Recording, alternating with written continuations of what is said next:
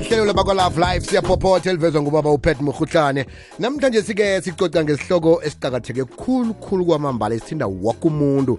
Sikhuluma-ke nge-consexual sex or rape.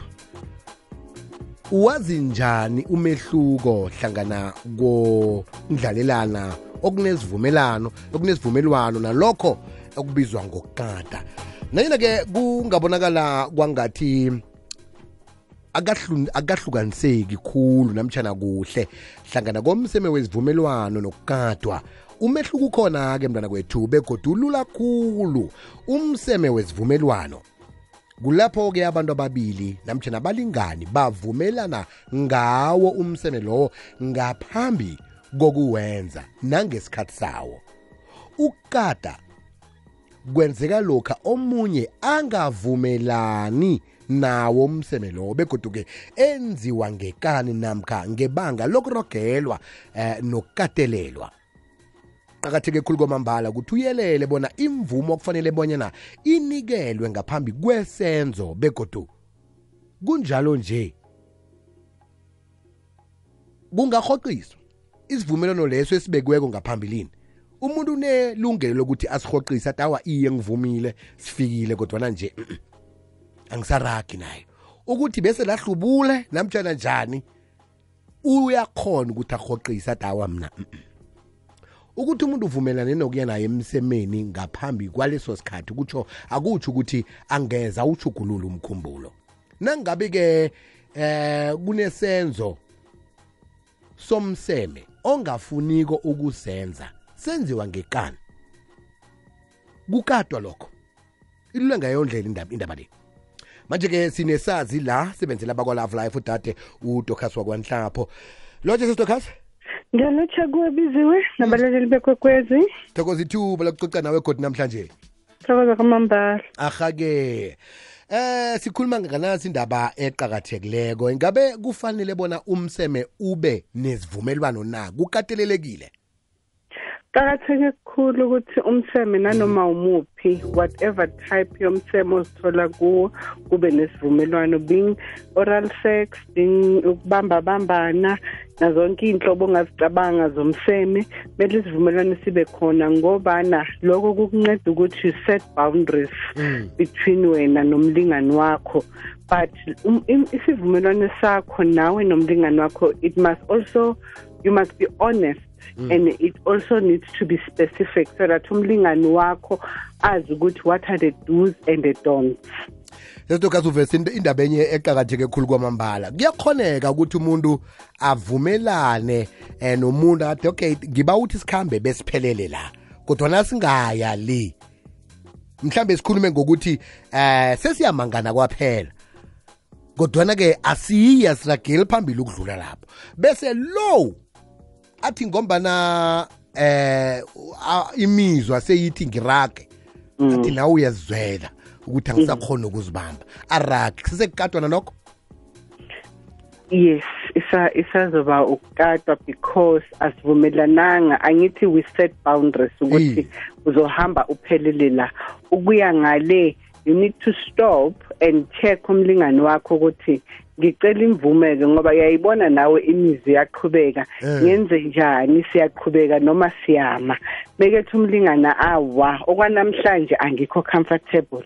Ngicela ukuthi siyeke sime kumele ukuhloniphe lokho because boundaries are there to lay out i-respect ukuze kusasa umuntu angazithole enkingeni yokuthi but ubuvumile but oh. Why manje sekune-case ye-rape ifika njani lapho? Alomunye lona kabuzwa ukuthi okay sivumelene ngalokhu ngithena ngikubuzako ukuthi ngirage na? Akhawuphendule wathula.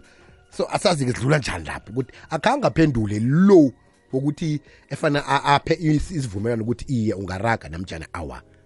The more umuntu angaphenduli mm. is the sign yokuthi you need to be concerned ukuthi okay. why then you need to stop. It, it's a red flag for you that it's informing you ukuthi I need to stop because ukungavumi kwami akusho ukuthi automatically ngiyavuma it's mm, a yes mm, mm. so that is a big red flag for you actually that will motivate you njengomlingani womuntu ukuthi I need to stop because remember ukuthi imvume esiyiphayo during umseme it must be a free uh, it, it must be given freely without any pressure you know.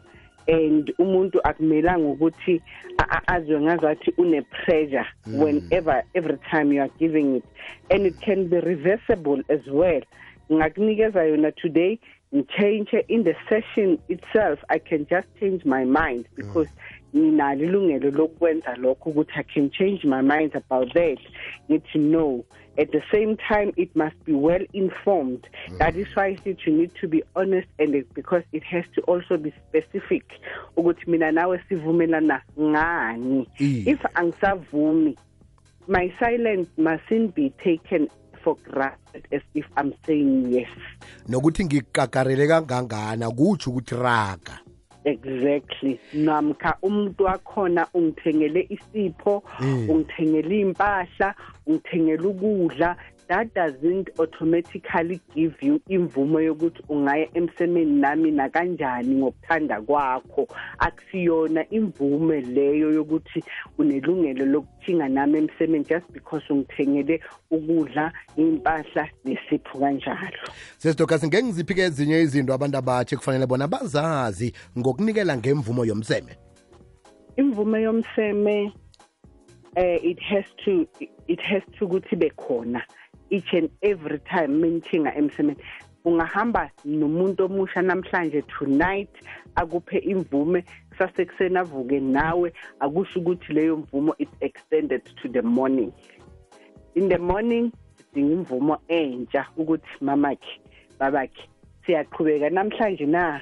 Ngale nkonzo yethu noma ayimisa bese-ke omunye athi ewe or noma awa siyazi ukuthi siyaqhubeka or asiqhubeki. You understand? So imvume must be given each and every day. Imvumo ngaso sonke isikhathi uma uthinga emsemeni kumele unikele ngemvumo. Kufanele and akusho ukuthi umuntu even if akuthengele the most expensive gift it does not mean ukuphe i-right noma imvume. It mustn't be under duress. It mustn't be under manipulation. It mustn't be under the circumstances whereby you are uncomfortable ngayo. It must be a free willing eh, eh, eh, agreement oyenzayo. Sesitokasi nangumuntu ongiphile imvumo. Kwenzekala nike lokha umuntu naselavumile ukuya nami emsemeni? Um es- esikhathini esiningi siye sithanda ukukhuthaza abantu bethu abasha nge-ABC of i-prevention which we, we talk about now mhlawumbe umuntu omusha uyithatha light nge-abstinence be faithful and condomizing mangabe-ke so umuntu omusha seke ready seke sithathile isinqumo sokuthi usekulungele ukuthinga emsemeni nomlingani wakhe.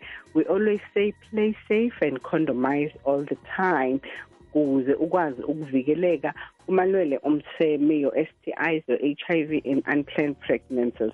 In any cases lapho umuntu azithola ukuthi uchingile emsemeni and you you awuphananga ngemvumo please note eSouth Africa that is rape or it's a sexual assault unalo ilungelo lokuyovula i-case.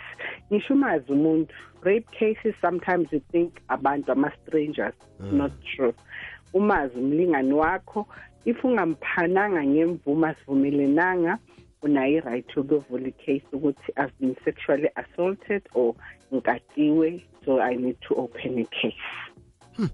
Silithola phi-ke isizo? Sibabantu abatsha siqalene nomraro njalo abantu bethu abasha mabasendele. I-please call me ka-love life ku-083 323 1023 bakhulumisane namakhansela wethu azobapha ngolwazi olugcwele.